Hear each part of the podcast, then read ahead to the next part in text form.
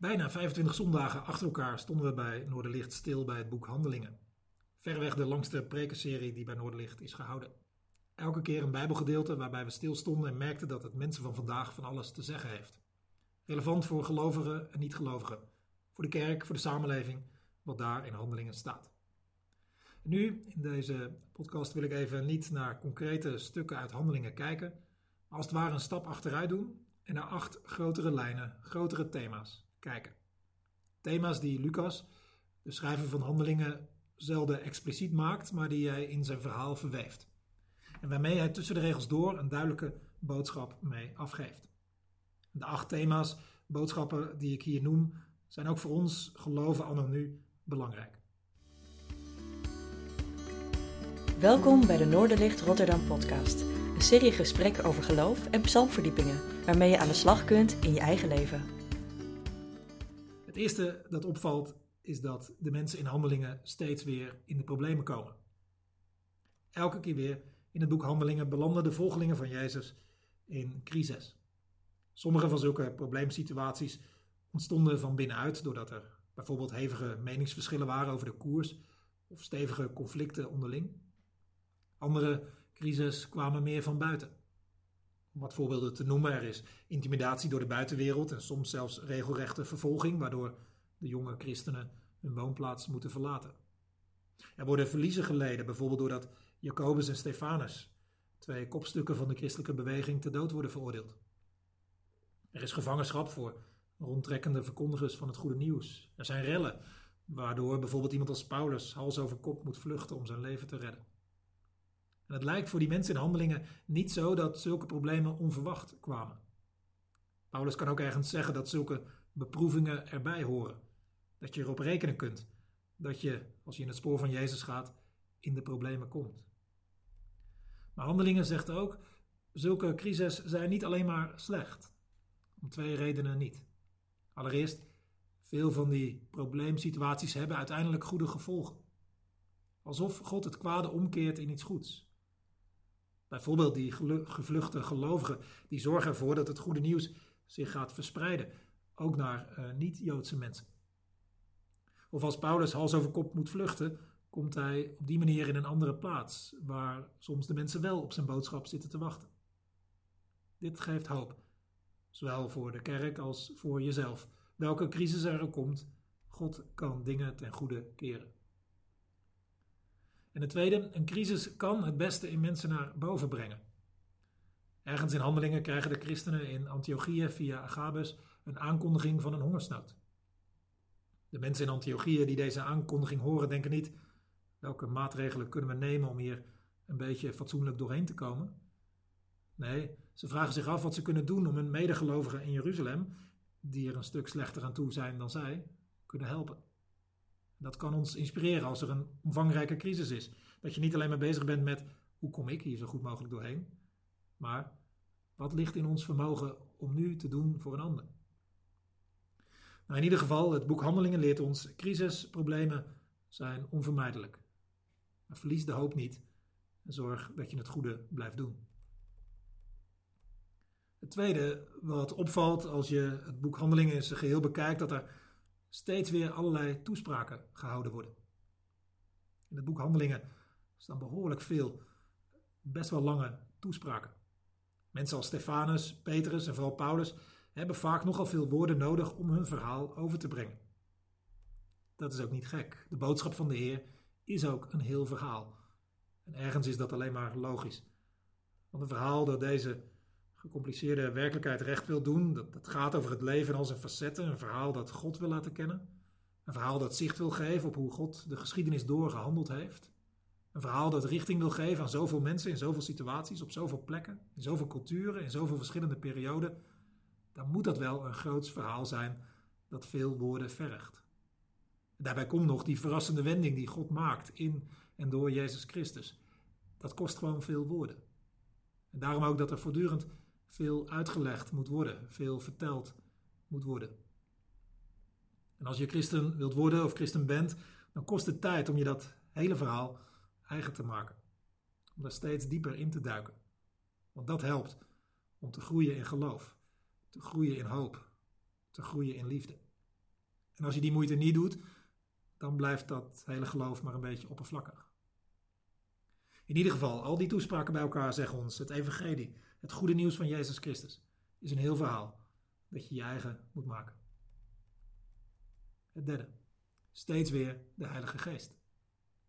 Aan het begin van Handelingen staat de uitstorting van de Heilige Geest centraal. En je zou de rest van het boek ook wel de handelingen van de Geest kunnen noemen. Want in de kracht van de Heilige Geest krijgen mensen de moed om het Evangelie te delen. Het inzicht om die oude woorden van God te begrijpen. De gave om te genezen. De moed om te zeggen wat er gezegd moet worden. De kracht om te veranderen. In bijvoorbeeld Handelingen 19 zie je ook weer het belang van de kracht van de geest. Paulus komt daar in Efeze. Een bolwerk van allerlei politieke, economische en religieuze, zelfs occulte machten en krachten. En in deze stad gaat het evangelie stuiten op die machten en krachten al daar. En er zal veel weerstand en verzet komen. Ook op een heftige en extreme manier. En Handelingen 19 begint dan met een verhaal van een soort nieuwe uitstorting van de Heilige Geest.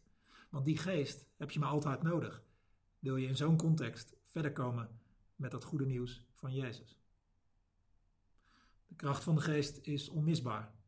Zowel voor de kerk, in welke tijd dan ook, maar ook voor christenen individueel.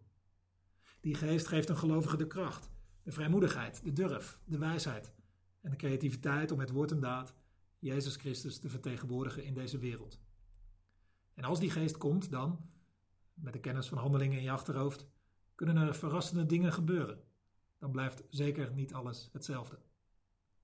In ieder geval, dat is het derde thema, steeds weer de Heilige Geest in handelingen. Dat wijst ons erop dat ook nu de kracht van de geest onmisbaar is. Het vierde, steeds weer gebed. De komst van de Heilige Geest in Handelingen 2 wordt voorafgegaan door de apostelen die vurig en eensgezind bidden. Het is ook niet de laatste keer dat gezamenlijk gebed het begin van een doorbraak de goede kant op zal zijn. En de nadruk die de schrijver Lucas op het gebed legt, valt in eerste instantie misschien niet eens op. Er staan bijvoorbeeld niet veel complete gebeden in het boek. Als je het boek Handelingen zorgvuldig leest of herleest, dan begint het op te vallen dat Lucas het toch wel erg vaak noemt dat er gebeden wordt. Op deze manier verweeft Lucas de boodschap dat gebed bijzonder belangrijk is voor Jezus en zijn volgelingen. Dat doet hij in het boek Handelingen, maar ook al in zijn eerdere boek, het Evangelie, eh, naar de beschrijving van Lucas. En daarmee zegt hij dat gebed ook belangrijk zou moeten zijn voor kerk en christenen in latere tijden. Waar leiden die gebeden in handelingen toe? Nou ja, dat verschilt van situatie tot situatie, maar het leidt bijvoorbeeld tot bijzondere gebedsverhoringen. Soms een nieuwe richting. Op andere momenten de komst van de Heilige Geest. Weer op andere momenten extra kracht of moed. Of weer op andere momenten de juiste nieuwe medewerkers die gekozen kunnen worden. En als wij dit nu lezen, doet dit Bijbelboek Handelingen ook een beroep op ons om te bidden. Met name ook om de voortgang van het goede nieuws, voor kansen, voor nieuwe mensen die hun schouders eronder zullen zetten. Maar ook voor moed, wijsheid, kracht, richting voor jezelf. Gebed is de manier om te ontvangen wat God wil geven. Dat is het vierde. Dan het vijfde. Dat hele boek Handelingen, daar gaat het steeds weer over het goede nieuws dat gebracht wordt. Handelingen begint in hoofdstuk 1 met een soort programma. Jezus zegt daarin zijn afscheidswoorden tot zijn leerlingen dat ze zijn getuigen moeten zijn, te beginnen in Jeruzalem, vervolgens Judea en Samaria en dan tot aan de uiteinde van de wereld. En gedurende het boek Handelingen zie je dat dit programma ook wordt gevolgd. Eerst in Jeruzalem groeit de nieuwe beweging, vervolgens in het gebied rondom Jeruzalem, Judea, dan in Samaria en zo steeds verder de wijde wereld in. De uiteinden van de wereld komen ook in beeld als bijvoorbeeld een Ethiopische man tot geloof komt of een Romeinse legerofficier. Maar ook komen die uiteinden van de wereld in beeld als de grens naar Europa wordt overgestoken. En ook als het boek Handelingen eindigt in Rome. Rome was immers het toenmalige centrum van de wereld. En het slothoofdstuk van Handelingen eindigt met de opmerking dat Paulus daar in Rome ongehinderd het goede nieuws kan delen. Deze verspreiding van het evangelie gaat niet zonder slag of stoot. Er is vaak verzet en weerstand. zoals Jezus zelf ook al had voorspeld. Niet iedereen zit op de boodschap te wachten. Niet iedereen staat ervoor open om zich om te draaien, een andere richting in te slaan of tot inkeer te komen. Die oproep klinkt wel steeds weer en wordt ook geregeld positief beantwoord, maar maakt mensen geregeld ook heel boos. De mensen uit handelingen laten zich er niet door weerhouden en blijven met gevaar voor eigen leven de boodschap delen. Blijkbaar is het goede nieuws voor hen zo belangrijk en zo urgent dat ze dat blijven doen. En daarom, alle volken moeten het weten en in het bijzonder ook de gezagsdragers, de machthebbers, de koningen. Ook zij moeten het goede nieuws weten. Dit punt draagt jou en mij uit. Welke moeite doen wij eigenlijk om de boodschap verder te laten komen? Is het ons opoffering waard? Schamen we ons niet voor deze boodschap, ook al is er weerstand, verzet of spot? Beseffen we eigenlijk wel hoe levensreddend en levensveranderend het goede nieuws van Jezus Christus is? Nou ja, in ieder geval, al die aandacht voor de verspreiding van de boodschap zegt ons dat het goede nieuws er is voor iedereen en verder gebracht moet worden. Het zesde, steeds weer dat woordje vreugde. Tussen de regels door benadrukt Lucas steeds dat de komst van het evangelie, het goede nieuws over Jezus Christus, mensen blij maakt. Als mensen tot geloof komen, dan, eh, dan, dan worden hun omstandigheden zelden tot nooit direct uh, veranderd.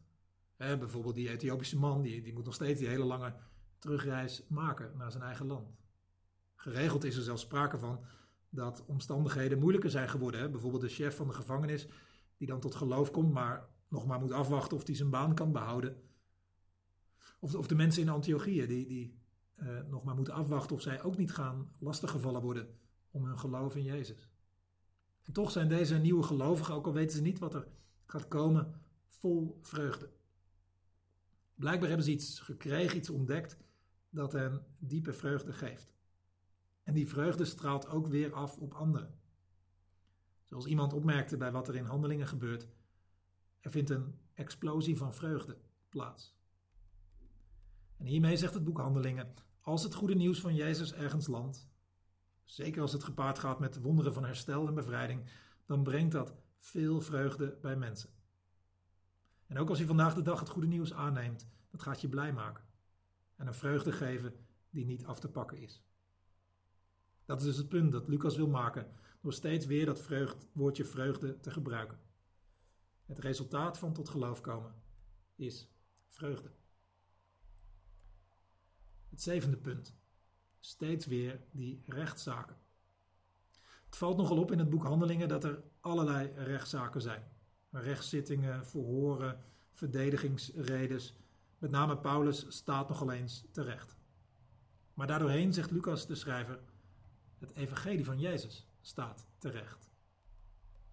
Nu schrijft Lucas zijn hele verhaal handelingen juist ook voor mensen eh, met gezag, met, met invloed.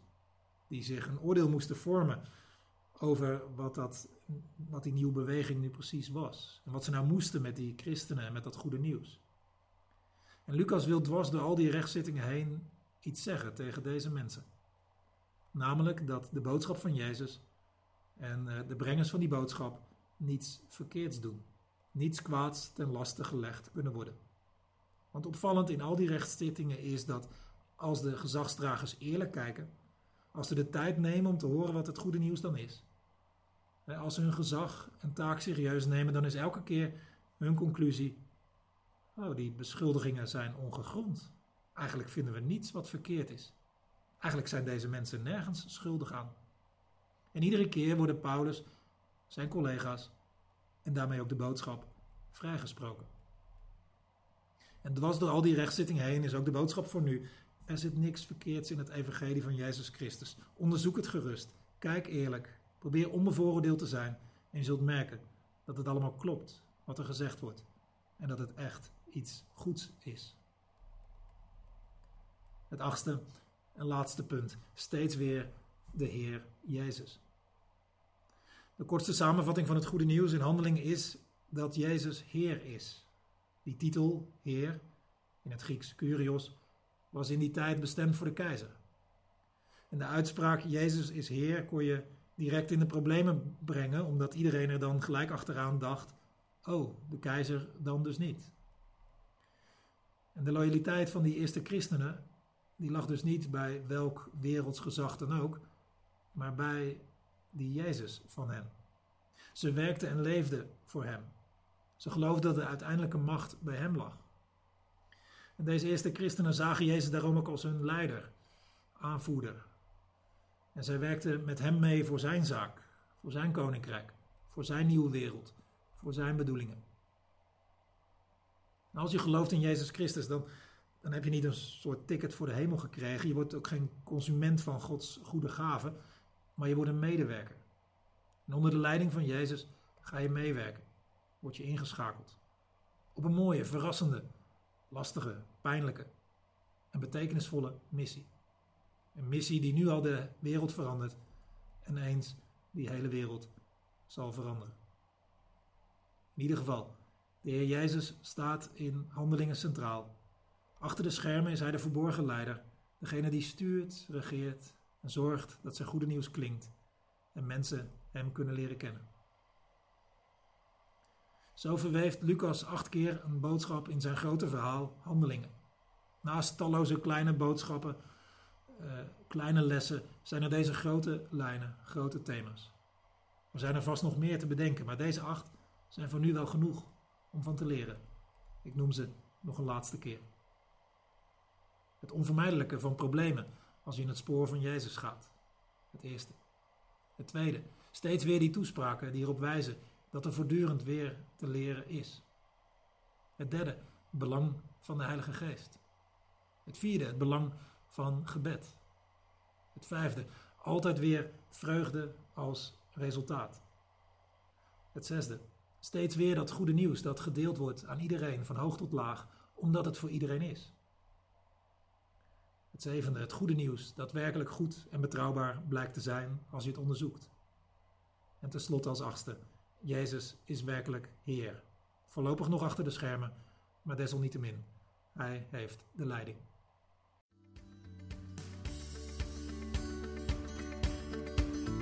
Bedankt dat je luisterde naar de Noorderlicht Rotterdam podcast. We hopen dat je er iets aan had deze keer. Je kunt alle afleveringen beluisteren via Spotify, YouTube, Apple Podcasts, Google Podcasts en natuurlijk via www.noorderlichtrotterdam.nl. Heb je een verzoek voor een onderwerp of heb je een suggestie voor een gast in de podcast? Stuur dan een mailtje naar podcast.noorderlichtrotterdam.nl of vertel het ons via Twitter. Tot de volgende keer!